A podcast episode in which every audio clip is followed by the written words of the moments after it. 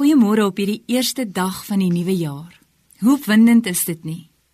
Het jy al gewonder wat beteken dit regtig om jou hoop in die Here te plaas? Ontbreek hoop in jou lewe? In die tye waarin ons leef, is daar baie dinge wat ons hoop steel. Spreuke 13:12 sê: "’n Uitgestelde hoop maak die hart siek."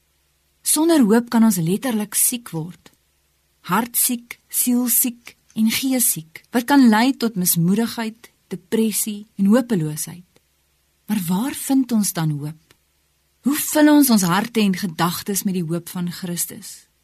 Ons mag miskien met ons verstand weet dat Christus alleen die bron van ons hoop is, maar hoe kry ons ons harte so ver om dit te glo?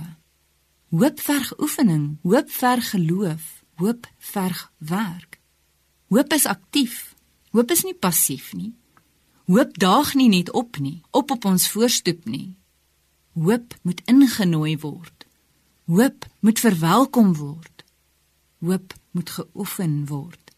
Dit klink dalk miskien vreemd of jy het nog nooit voorheen daaraan gedink dat ons proaktief en intentioneel kan wees om ons lewens te vul met hoop en vreugde nie.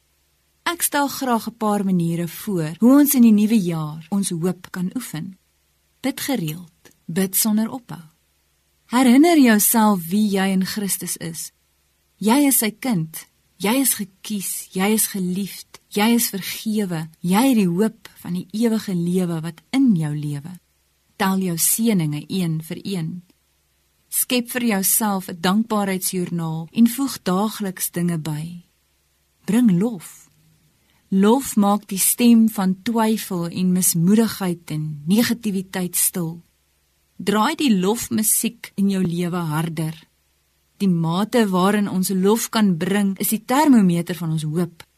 As jy die Here kan loof, beteken dit jy het hoop.